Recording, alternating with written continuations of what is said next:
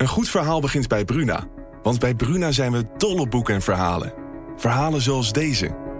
De slagen van de noodklok dreunen over het dorp. Zwaar en dreigend. Ze overstemmen de gemoedelijke drukte op de markt. En alle handelingen vallen stil. Wat zou er aan de hand zijn? vraagt Oda ongerust. Wil jij weten hoe dit afloopt? Je leest het in Bloedlijn van Simone van der Vlucht.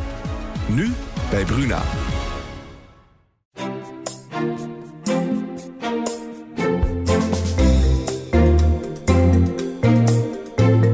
De DFT Podcast met Herman Stam en Martin Visser. Ja, Martin, uh, welkom. Uh, het zijn uh, drukke weken. Eerst hebben we het pensioenakkoord gehad. Toen aan het begin van de week het gedoe over de loonkloof en de uitspraken van Rutte. En nu is iedereen eigenlijk weer bezig met die arbeidsmarkt. Ja. Hè? Die, de arbeidsmarkt in balans, zegt Wouter Koolmees, waar die, de, de, wet arbeidsmarkt in balans. Maar die is eigenlijk niet goed genoeg in balans volgens sommigen. Nee, precies. En daar komt nu het vervolg op die wet komt nu in de vorm van nieuwe maatregelen voor ZZP'ers. Ja, dat klinkt misschien niet zo sexy, maar we gaan het eventjes proberen zo begrijpelijk mogelijk. Maar ik begin even met een, een quote van minister Koolmees voordat hij vandaag de ministerraad binnenkwam lopen.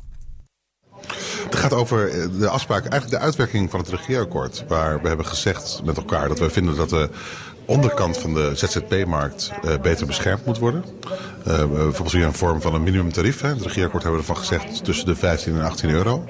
Het tweede element is dat we een beter onderscheid willen maken tussen echte zelfstandigen, echte ondernemers en zal maar zeggen schijnzelfstandigheid.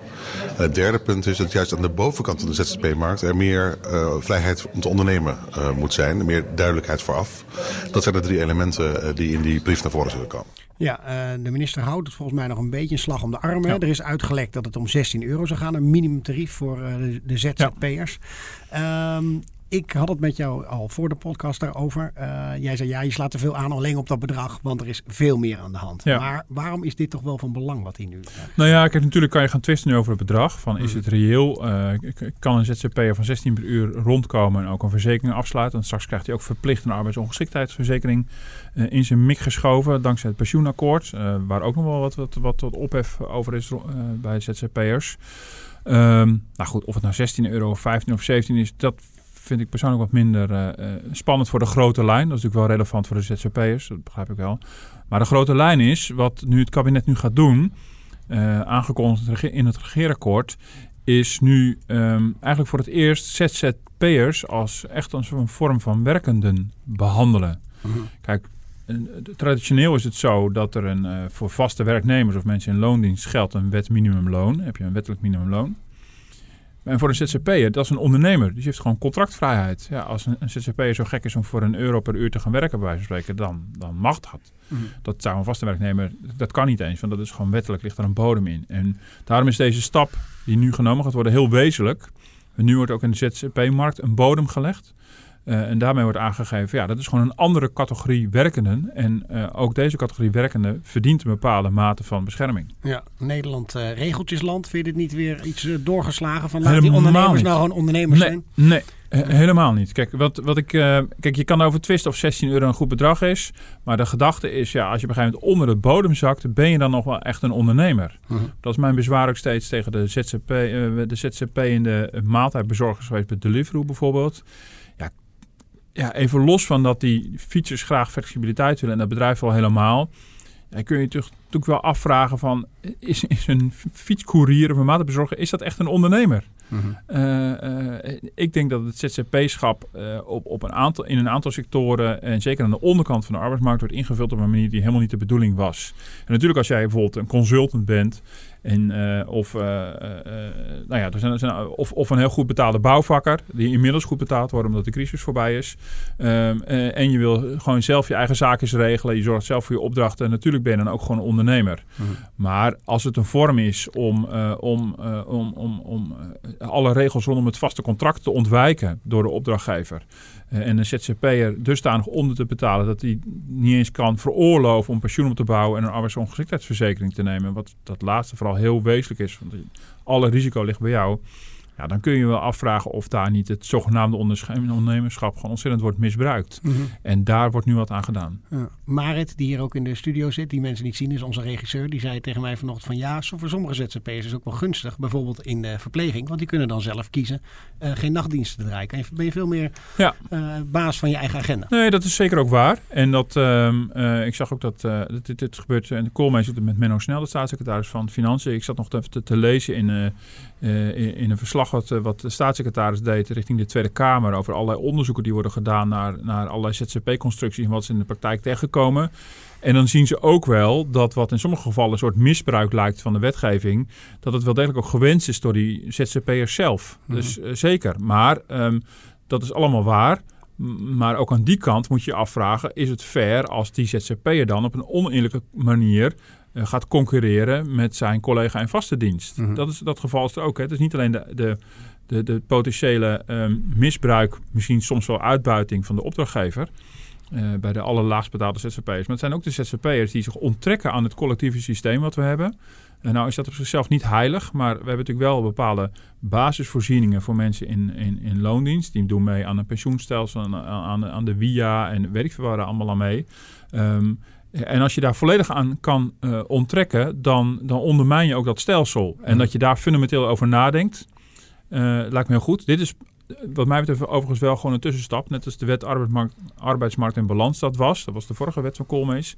Die ging over het duurder maken van flexwerk. Het is allemaal een poging om te corrigeren. De, de, de flexibiliteit op de arbeidsmarkt in Nederland die nogal doorgeslagen is. En die gaat vele malen verder dan in, in alle landen om ons heen. Um, ja, en de grote vragen liggen nog steeds op tafel van dit zijn tussenstappen. Van de week hadden we de commissie Borstlab, Mhm. een adviescommissie uh, die op verzoek van, van Koolmees met een rapport gaat komen eind dit jaar. Nu een soort tussenstand heeft gemeld over hoe moeten we in de toekomst omgaan met de arbeidsmarkt. En die zegt van dit zijn allemaal prachtige tussenstappen. Maar we moeten echt fundamenteel anders gaan kijken naar de manier waarop we in Nederland dat werk georganiseerd hebben. En dit is daar een denkrichting in. Ja, want je zei, uh, de, de, aantal flexibele werkers in Nederland is groter dan in heel veel landen om ons Ja. heen. Hoe, hoe ligt die verhouding? Nou, in Nederland, ik heb niet van alle landen praten, maar van Nederland, uh, dat, dat meldde Borstlap ook weer. En hij was zo eerlijk om te zeggen, dat is een oud topambtenaar, oud lid Raad van State. Hij was ook zo eerlijk om erbij te zeggen, in het interview dat, uh, dat collega Ertan en ik hadden, dat hij zelf er ook van schrok. In 2003 had ongeveer driekwart van, van de Nederlandse werkenden een, een vaste arbeidsrelatie. Uh, en dus één kwart was flex, flex plus ZZP. Inmiddels is nog, nog maar zes op de tien heeft een vaste baan. En Mhm. vier op de tien is flex en ZZP. En zijn voorspelling is, als we hier niks aan doen, zal het ieder jaar uh, zal het aandeel flex en ZZP met een procentpunt toenemen. Dus pak een beet in een jaar of tien is het 50-50. En in sommige sectoren zie je dat al. In de bouw Um, dat heb ik ook al eerder in de krant uh, gemeld. Ik laat die, die staatjes ook wel eens in presentaties zien. Mensen uh, weten dan eerlijk gezegd niet wat ze zien. En dan zie je dus dat het aandeel vast en flex, en dan onder flex versta ik tijdelijke contracten en, en ZZP-schap, dat aandeel is al, houdt elkaar al in evenwicht. En de, vraag, de fundamentele vraag is, moeten we dat willen? Moet het zover doorgaan? En natuurlijk willen bedrijven flexibiliteit, werkgevers. En ook heel veel uh, werkenden willen graag flexibiliteit. Maar ze vinden dat niet in de manier waarop we nu de, de, het vaste werk hebben georganiseerd. Dus dit zegt niet alleen iets over de ZZP-kant van het verhaal, maar het zegt ook iets over die vaste contracten. En daar wordt het natuurlijk wel heel ingewikkeld. Mhm. Want dan ga je het over ontslagrecht hebben. Dan ga je het over die superdikke CAO-boekjes hebben waarin alles dicht geregeld is. Ja. Dat mag ook allemaal een onsje minder. Maar dit gaat wel erg ver. En ook de OESO, uh, dat vond ik heel slim van de commissie Borstlab, heeft de OESO gevraagd, doe voor ons deze analyse. En dan haalden ze echt een autoriteit van buiten. OESO, de club van, van, van, van geïndustrialiseerde landen, echt een denktank, economische denktank. En die waarschuwt ook, als je dit niet op een gegeven moment een halt toeroept, dan, dan bereik je op een gegeven moment een point of no return. En hun economische, uh, hun, hun economische waarschuwing is, in flexkrachten en in ZZP'ers wordt veel minder geïnvesteerd. Deze mensen investeren gemiddeld genomen ook zelf minder in zichzelf. Mm. Dit tast op de lange termijn het verdienvermogen van de Nederlandse economie aan. Dat mm. is het economische argument. En het sociale argument is, waar het planbureau een paar keer op geweest heeft, uh, het uh, Centraal Planbureau, flex en ZZP'ers zijn de eerste in de rij om bij een volgende crisis slachtoffer te zijn van die crisis.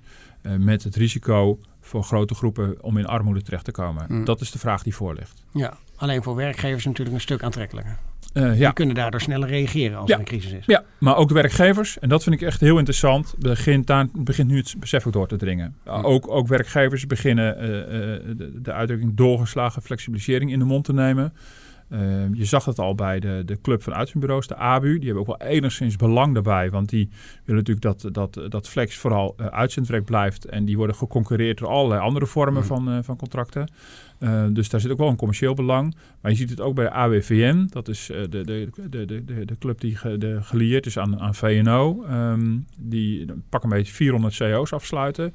Je ziet daar, daar is het denk ik ook al een stap verder. En je ziet het inmiddels ook bij VNO-NCW zelf. De club van Hans de Boer dat men zich ook realiseert, is dit wat we moeten willen? Mm. Uh, flexibiliteit goed tot je dienst, uh, dat het goedkoper is, ook allemaal heel belangrijk. Maar wat is de consequentie als, het, als dit doorslaat? Ja, wat is de rol van de FNV erin? Want die neemt natuurlijk vooral op voor mensen in vaste dienst. Uh, ja. Je zag opeens met het pensioenakkoord... werd er iets over de verplichte arbeidsongeschiktheid ja. voor ZZP'ers ingefietst.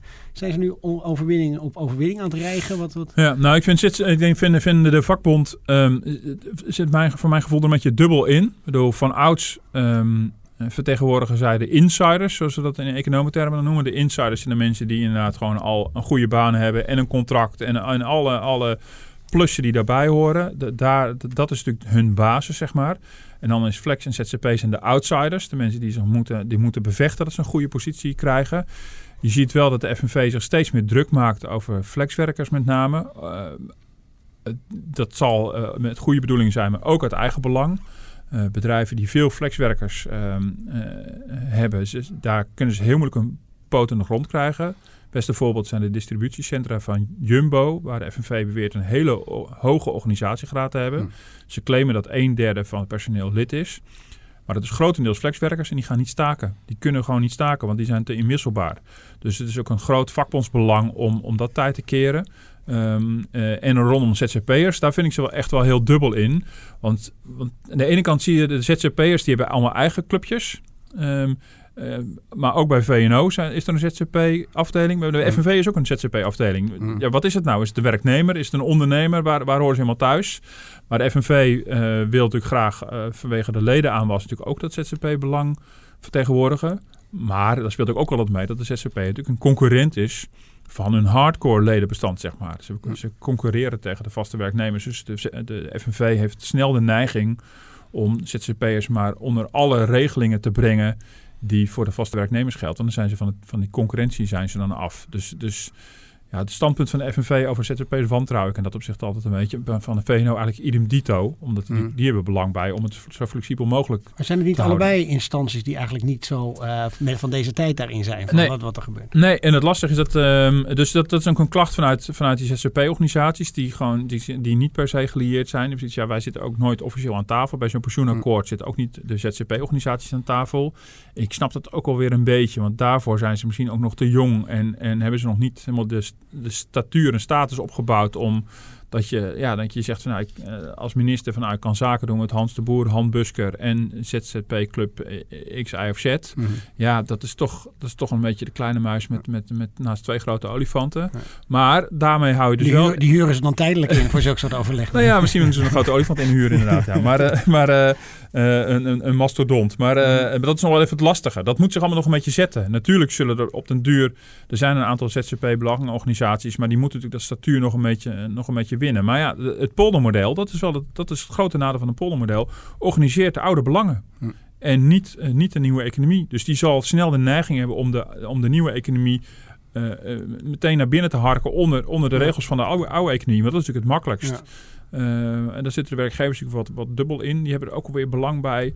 Als dat nieuwe deel, ZZP en Flex, nou lekker groeit... Ja. dan kunnen zij van twee walletjes eten. Dus, maar dat is, dat is wel... Ja, en dan heb je een pensioenakkoord...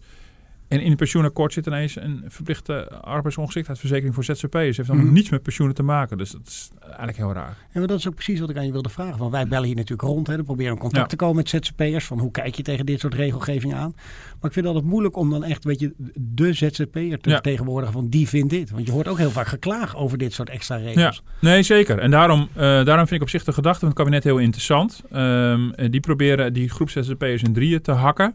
Dat doen ze op basis van tarieven. Dat is misschien een beetje een lomp middel, maar het is in ieder geval een poging om een soort onderscheid te gaan maken. Waarbij het kabinet zegt, nou, onder de 16 euro kan je iemand met goed fatsoen geen ondernemer noemen. Dus, uh, dus, dus die mensen moeten dan maar gewoon in dienst worden genomen. Dat is een beetje de gedachte. Het is een bodem in de prijs, maar het is ook dacht, als, het, als, ja, als, als je eronder verdient, dan moet iemand gewoon, uh, moet gewoon een, een dienstverband worden aangeboden. En dan geldt gewoon het wet, wettelijk minimumloon en dergelijke. Uh, en dan heb je de bovencategorie boven de 75 euro. Nou, dat zijn, daar, daar kan je dan gevoeglijk van aannemen. Dat zijn mensen die hun eigen boontjes kunnen doppen. Dat zijn gewoon echte ondernemers. En die, die moeten ook niet te veel de Belastingdienst in hun nek hebben om te controleren of ze nou wel echt ondernemer zijn of niet. En dan heb je de middencategorie tussen de 16 en 75 euro. En daar wordt nu voor bedacht, of dat is blijkbaar al bedacht, hoe kan de Belastingdienst voor die categorie hm. wel steeds controleren of ja, die opdrachtgever en die ZZP'er, of dat wel echt, echt een ZZP-verbinding is, of dat dat stiekem toch schijnconstructies zijn, hm. schijnzelfstandigen. Nou, daar hadden we eerst de VAR voor, die verklaring arbeidsrelaties. Inmiddels is het de videoscheids uh, geworden. Uh, uh, maar, maar, maar, in de ZZP-wereld is de VAR nog steeds een heel bekend begrip. Um, is vervangen toen door de wet DBA.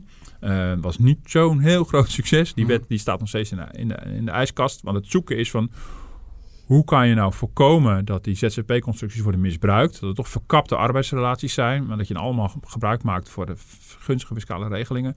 Zonder dat je opdrachtgevers en ZZP'ers overlaat met allemaal ingewikkelde regeltjes. En uh, nou, dat geldt dus voor die middencategorie. En dit is een voorzichtige poging om een onderscheid te gaan maken tussen die medewerker van het distributiecentrum en de fietscourier aan de ene kant. En die goed betaalde consultant uh, aan de andere kant. Uh, maar goed, ook binnen die categorieën zullen er ook weer verschillende geluiden zijn. Um, maar zo probeer je het een beetje uit elkaar te pellen. Snap je? Mm -hmm. En je noemde hem al, die, die commissie Borslap. Wat, ja. komt het nou in een, een, diepe laan bij sociale zaken te liggen? Nee. Of is er, de, het is hoop ik in ieder geval niet. Maar, hoe, uh, hoe, werkt zoiets verder? Wat is nou ja, dat is natuurlijk altijd wel, wel het risico. Maar um, wat natuurlijk Koolmees wel onderkend heeft, uh, het kabinet onderkend heeft, en terecht denk ik, is dat ze nu uh, dat ze natuurlijk wel een aantal uh, stappen konden zetten op de arbeidsmarkt. Deels is het even reparatie van die wet DBA, die ik al noemde van het vorige kabinet, de wet werk en zekerheid van Ascher. Uh, die, die zijn nu gerepareerd met, uh, met de, de, door Koolmees. Maar daarmee is het niet af. Bedoel, uh, men ziet, bedoel, de, de, vraag is van hoe gaan we in de toekomst met die arbeidsmarkt om? er ontstaan gewoon steeds allerlei nieuwe vormen van arbeidsrelaties. Uh, we hebben natuurlijk verder ook te maken met, uh, met, met uh, de, de platformeconomie. Nou, ik noemde Deliveroo al, maar er zijn allerlei vormen van, van platforms. waar die ook vraag en aanbod van werk met elkaar verbinden. Waar allerlei, elk platform heeft weer een beetje zijn eigen constructie, zeg maar. En daar moet het ook een antwoord op gaan geven. En hoe gaan we daar in, in, in de toekomst mee om? Um, en dan is de praktijk zo dat, dat, dat zo'n commissie wordt dan aan het werk gezet met de gedachte van dat legt dan een basis voor een volgend kabinet. Mm. En Koolmees had ook kunnen kiezen om te zeggen van ja, mijn twee wetten die ik nu heb gemaakt, dat is dan een tussenstap. Weet je, die doe ik niet. Ik begin met een adviescommissie, maar dan kom je nergens als mm. minister. Want als je begint met een adviescommissie en eerst een jaar moet wachten, dat schiet niet op. Dus daarom gaat het op deze manier. Dat is gewoon een praktische reden. Dan heb je wel alvast wetgeving rondom flexwerk en rondom, rondom ZZP'ers. En dan kan je alvast als kabinet straks een standpunt innemen over hoe, hoe, hoe verder. En dat moet een volgende kabinet dan, dan in gaan koppen. De club uh, is wel vrij zwaar bemand. Um, en ik heb wel de indruk, adviezen kunnen makkelijk in een la belanden, maar ik heb wel de indruk ja, dat er van links tot rechts in de politiek en, en van vakbonden tot werkgevers zo'n breed besef is dat dit op deze manier niet door kan gaan. Dat, dat mijn verwachting is dat hier wel werk van wordt gemaakt. Hoop ik. Ik zei ook nog uh, tijdens de intro iets over die loonkloven. Uh, ja. Daar hebben we het aan het begin van de week over gehad in de podcast. Maar ondertussen is er nog wel wat meer gebeurd. Want Hans de Boer heeft gesproken. Ja. Maar hij was eigenlijk wat weifelend eerst met zijn reactie op uh, Rutte. Volgens mij. Ja, was, zaterdag was natuurlijk Rutte op zijn VVD-festival. het bitterballenfeest van, van, van de Liberalen. Waar hij toch flink ja, op de dag notabene dat het FNV ja zei tegen het pensioenakkoord, verstierde hij het polderfeestje. Daar baalde Hans de Boer natuurlijk ook van. Die dacht van, waarom kunnen we niet even vieren met elkaar dat de polder weer leeft. Um, maar Rutte haalde fors uit uh, naar het grote bedrijfsleven dat in zijn ogen um, wel zelf flink incasseert aan salarissen, maar heel weinig uitdeelt in de cao's. Um, er kwam per e-mail een reactie van VNO en, uh, en MKB Nederland. En nou, inhoudelijk was dat niet heel verrassend. En qua toon ook wel vrij rustig. Ja, en toen heb ik en blijkbaar alle andere media uh, dagenlang op mijn kop gezeurd van ja, dit, dit is, we, willen meer, want het mhm. is zo'n opmerkelijke aanval van Rutte. Uh, nou goed, dat kwam dan uiteindelijk in, uh, in drie exclusieve kranteninterviews. Uh, bij alle kranten. ja, ja, en was natuurlijk wel een vrij breed media-offensief. En ook nog iets voor de, voor de, voor de tv, zag ik, heeft Hans de Boer gereageerd. Ja, dit is wel, dit was wel heftig. Zaterdag uitspraken van Rutte. Zondag hebben ze telefonisch overleg gehad Maandag heeft Hans de Boer een telefonische call gehad met de vertegenwoordigers van, van de belangrijkste AEX-bedrijven om, om een reactie voor te bereiden. Dus dit hebben ze mhm. heel serieus genomen. Ja. En hoe zelfkritisch waren ze eigenlijk in die reactie? Ja, nou, um, ik ik vond ze daar, en vind ze daar wat, wat, wat dubbel in. Aan de ene kant weerlegt uh, Hans de Boer, dat had ik ook niet anders verwacht, uh, de, de, het verwijt dat de lonen niet hard genoeg zouden stijgen. Hij zegt, ja, het ligt niet aan ons, het ligt aan de belastingdruk. Hm. Nou, heeft hij voor een deel ook wel gelijk. Ik denk dat het allebei is. Nou, daar hadden we het eerder in een podcast, uh, in een eerdere podcast al, al over. Um, en, maar dan is de vraag, hij zei ook, maar ja, we, ik vond het wel een belangrijk maatschappelijk signaal wat Rutte afgaf. Dus van, ja, wat is dan dat maatschappelijke signaal? Ja, en dan komt hij toch voorzichtig wel op het punt uit dat hij ook wel wat moeite heeft met de topsalarissen.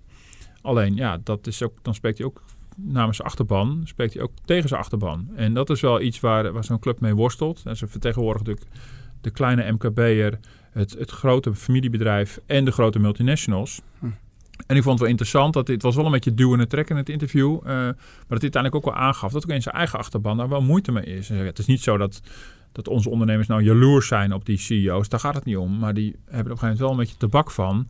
Dat die CEO's die, die een paar miljoen verdienen en, en 100, 150, 200, 250 keer het salaris van de gemiddelde werknemer verdienen. Mhm. Dat die nu heel erg het imago van het bedrijfsleven uh, uh, aan het bepalen zijn. En, en dat geeft intern ook wel. Um, dat begint dat wel te schuren. Nou, en Hans de Boer eh, heel voorzichtig gaf hij ook wel aan dat hij zich ook wel zorgen maakt over, over die loonkloof. En zich ook wel realiseert dat dat, in, ja, dat, dat ook niet helpt als, als, ja, als de gemiddelde Nederlander denkt van waarom mag ik niet delen in die welvaart? En waarom mijn topman uh, wordt wel zo rijkelijk beloond. Dus hij, uh, dat vond ik wel, wel sterk dat hij dat durfde te erkennen dat dat probleem speelt. Ja, hij, hij zegt ook iets over een soort contracten, wat je weer een soort ja. polderoverleg weer. Ja. Eh, vaart het dan weer dwars door deze plannen voor de arbeidsmarkt? Nee, helemaal niet. Het, uh, nee, nee, hij heeft het over een nieuw sociaal contract. Dat zijn een beetje oude termen. Hè. Dat, dat heeft ook echt met te maken met de verantwoordelijkheid die een werkgever dan neemt voor zijn, voor zijn, voor zijn mensen. Mhm. Ehm, je ziet ook Rutte teruggrijpen naar oude industriëlen. Hans de Boer doet, doet dat eh, op zijn manier ook. dan krijg je toch een beetje de tijd dat Philips nog zijn eigen dorpen bouwde, zeg maar. Nou, ik denk die tijd is natuurlijk wel voorbij. Ik bedoel, we hoeven natuurlijk niet terug te grijpen naar de, naar de jaren 50 en 60. Maar de, de, het gevoel van, um, uh, bedoel, het is mijn baas en hij verdient veel meer dan ik, maar hij zorgt ook goed voor mij. Dat, dat mm. laatste. Um, dat, dat, dat, dat laatste gevoel, dat willen werkgevers op mijn manier ook wel weer terug. En dat heeft dus ook met die arbeidsmarkt te maken. Wat Hans de Boer wil is een groot uh, nieuw akkoord. Hij heeft na het pensioenakkoord blijkbaar de smaak te pakken. Ik weet niet hoeveel jaar ze erover willen gaan doen, maar toch. Ja, ja. En daar gaat het natuurlijk, uh, daar gaat het wat hem betreft niet per se over de CEO-beloning. Dat zal de vakbond natuurlijk wel, uh, wel gaan aanvoeren als, als die gesprekken ooit gaan plaatsvinden. Maar dan gaat het ook over werkzekerheid. Het gaat over inkomenszekerheid, werkzekerheid. Het onderdeel waar we natuurlijk de podcast mee begonnen van de ja, de toenemende onzekerheid bij mensen door die flexibele arbeidsmarkt, dat, dat maakt daar echt een belangrijk deel van uit wat hem betreft. En dat is wel interessant om te zien, dat ook werkgevers zich realiseren van, oh ja, als wij dus meedoen op deze manier met die race naar de bodem, dan hebben we op korte termijn gewin, maar op lange termijn krijgen we er maatschappelijke onrust voor terug. En is dat wat we willen? Ja. Denk je even buiten die regelgeving om, de, de jongeren van nu, die helemaal niet meer zo omkijken naar de Unilevers om daar te gaan werken. Denk je dat die eigenlijk wel geschikt zijn om zo'n uh, werknemer in vaste dienst uh, te worden? Nou, dat hoeft ook helemaal niet per se. Het is ook niet zo dat we, denk ik, ik denk, ik denk niet dat dit zich moet vertalen in een soort terugverlangen naar het vaste contract van vroeger. Um, overigens is het vaste contract in de loop van de jaren ook steeds flexibeler geworden. De, ontslagrecht bijvoorbeeld is ook, ook al versoepeld. En uh, een vast contract biedt voor de werknemer voldoende mogelijkheid om zelf te jobhoppen. Dat kan allemaal prima. Van vaste baan naar vaste baan als je dat zou willen. Um, Nee, het, het over, overigens blijkt ook wel heel veel, uit heel veel onderzoek dat um, ja, de baan voor het leven bestaat zogezegd niet meer. Maar in de praktijk zijn ook heel veel sectoren. Uh, dat is misschien niet die hoogopgeleide millennial, maar er zijn ook zat sectoren waar mensen wel degelijk hun hele leven nou, dan wel voor dezelfde baas, dan wel binnen dezelfde sector blijven werken. Dus dat bestaat een heel belangrijke deel van de arbeidsmarkt ook nog wel. Uh, nee, dus je gaat natuurlijk allerlei vormen naast elkaar krijgen. Ik denk ook niet de bedoeling zou moeten zijn van het beleid van Koolmees en van, die, van de adviezen van Borstlap om alles weer in één uniforme worst van te maken, alles in één soort arbeidscontract te persen, maar juist te kijken hoe je die, al die variëteiten aan, aan arbeidsrelaties kan laten bestaan en tegelijkertijd mensen een soort basiszekerheid te geven voor werk en inkomen. Dat, dat is een beetje de zoektocht. Ja. En uh, nou, de, suggestie van, van, van Borstlap is van, uh, dat we dat is een beetje in lijn met het onderdeel van het pensioenakkoord, dat er een soort, soort basisvoorziening moet zijn op het gebied van arbeidsongeschiktheid, ziekte, pensioen, maar ook scholing, waar, waar iedereen aan mee moet doen en iedereen aanspraak op kan maken. Nou, bij pensioen is het al geregeld met de AOW, zei Borstlap. Dus uh, hij suggereert niet dat iedereen ook nog eens een keer uh, allemaal naar een pensioenfonds zou moeten. Nou, de arbeidsongeschiktheid wordt dan nu geregeld. Borstlap zegt, ja, maar in een pensioenakkoord wordt dat geregeld in een aparte verzekering voor ZZP'ers. Mijn, mijn denken zou nou juist zijn, zie iedereen als werkenden en maak daar een soort basisvoorziening voor op, op al die terreinen waar iedereen de risico's met elkaar deelt.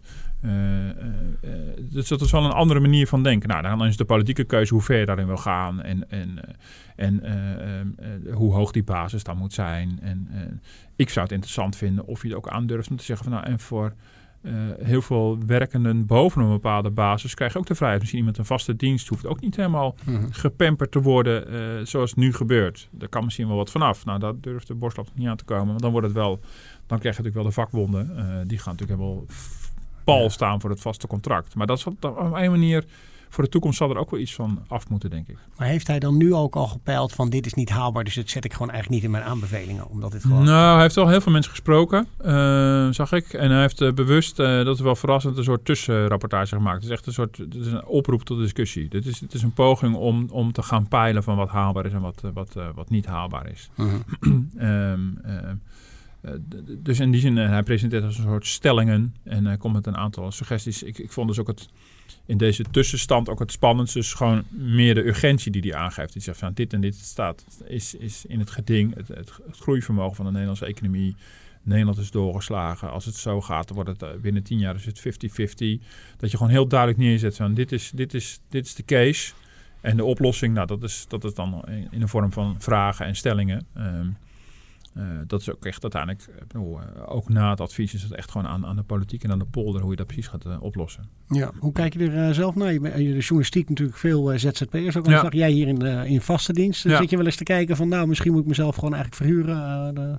Nou ja, dat is, um, het, het, heeft iets heel dubbels. Want het is ook heel fijn. aan de ene kant is die flexibiliteit heel lekker natuurlijk. Dat je gewoon je eigen baas kan zijn. Nou hebben wij natuurlijk een beroep waar je al behoorlijk wat vrijheid hebt. Maar, ja. maar, het is ook wel, ik vind het persoonlijk ook heel fijn om bij een club te horen, ergens bij te horen en onderdeel te zijn van de vaste redactie. Ja, ik zou in theorie zou ik heel veel dagen thuis kunnen werken.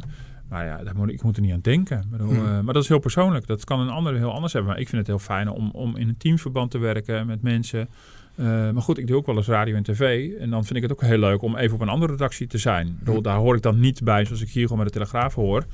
Um, dus ik zie die aantrekkelijkheid, zie ik wel. Uh, maar helemaal, ja, maar goed, ja, helemaal, helemaal los erbij misschien ook weer een beetje ontheemd. Maar ja, ik snap ook wel dat mensen dat prettig vinden. Uh, uh, dus in die zin, ja, begrijp ik dat wel. Wat ik, wat ik wel lastig vind in, in, onze, in onze tak van sport is natuurlijk dat je dat, je, uh, dat natuurlijk het aantal ZZP'ers heel groot is, heel veel freelancers. Ja, ja en dat gaat natuurlijk in, in, in, ieder geval bij de kranten natuurlijk niet zo heel erg goed dat die freelancers ook super betaald kunnen worden. Dat is echt wel in, uh, in onze, ja, bij ons is het ook wel een, wel een kwestie van uh, um, ja, hoe zorg je dat ook gewoon een freelance fotograaf en een freelance journalist ook uh, een goede boterham kan verdienen. Ja, dat is in een krimpsector die wij helaas zijn, is het best wel, uh, best wel lastig. Ja. En ja, dat zie je bijvoorbeeld nou, in de bouw, zie je tegenovergestelde. Daar was het in de crisis even heel moeilijk, maar in, in de bouw zie je dat die, ja. de ZZP'ers weer toptarieven vragen.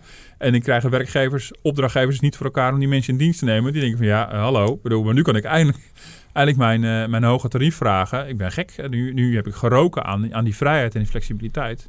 Ja. En waarom zou ik weer terug in dienst gaan? Dat, uh, die verhalen heb ik wel eens gebracht. Uh, mensen die, nou, de happy ZZP'er. En die zijn natuurlijk ook heel erg veel. dat is ook al een beetje het bezwaar van het onderwerp dat je ZZP enorm gaat problematiseren. Ik denk dat dat niet, niet uh, het, het, idee zou moeten zijn. Ja.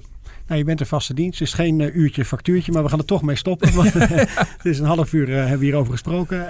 volgende week weer een ander onderwerp, ongetwijfeld. Zeker. Er speelt genoeg in jouw sector. Ik wil je voor nu bedanken. En mensen probeer ik er altijd opmerkzaam voor te maken dat ze zich kunnen abonneren op Spotify of op iTunes. Dan kunnen ze alle afleveringen van ons luisteren. Ik zou zeggen tot volgende week.